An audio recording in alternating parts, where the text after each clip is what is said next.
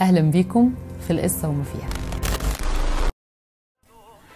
بلا تشاو بلا تشاو بلا تشاو تشاو تشاو. طبعا عرفت أنا هتكلم عن إيه النهاردة. المسلسل الأسباني الشهير لا كازا دي بابل.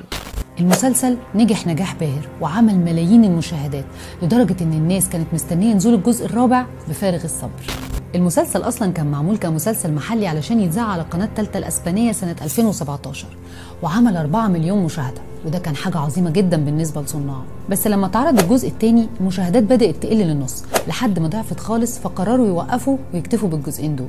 وفي 2018 نتفليكس اشترت المسلسل ونزلته عندها من غير أي دعايه مسلسل زي مسلسلات كتير مرمية عندها على الشبكة عشان يخلوا موقعهم عليه أعمال حصرية كتير وخلاص. ومن هنا انفجرت قنبلة لا كاسا دي بابل ووصل للعالم كله والناس كلها بقت تتكلم عليه واللي شافه بقى يقول للي ما شافوش.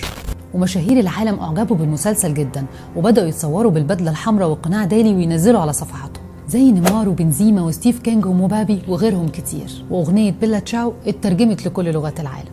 واختيار القناع ما كانش شيء عبثي أو عشوائي. لا ده كان قناع لشخصية حقيقية. سلفادور دالي فنان تشكيلي أسباني شخص نرجسي وأناني وفوضوي.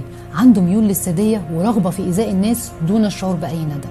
وهنلاقي إن اللي اختار الزي والقناع في المسلسل هو برلين واللي بتنطبق عليه كل صفات ديل كل ده مع بعضه عمل دعاية للمسلسل اللي بقى تاني مسلسل في التاريخ من ناحية نسبة المشاهدة. وهنا قررت نتفليكس إنها تستغل الدعاية المجانية اللي اتعملت للمسلسل وتنتج منه أجزاء تانية بس بإنتاج ضخم.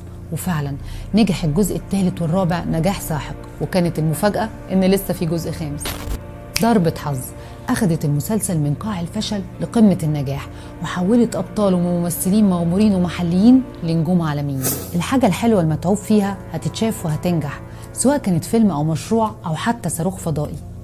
وفي اعتقادي إن الحظ ما بيجيش غير للي جاهز وأعتقد برضو إن الحظ بيجي لكل الناس على هيئة فرصة. بس لو أنت مش جاهز يبقى كأنه ما جاش.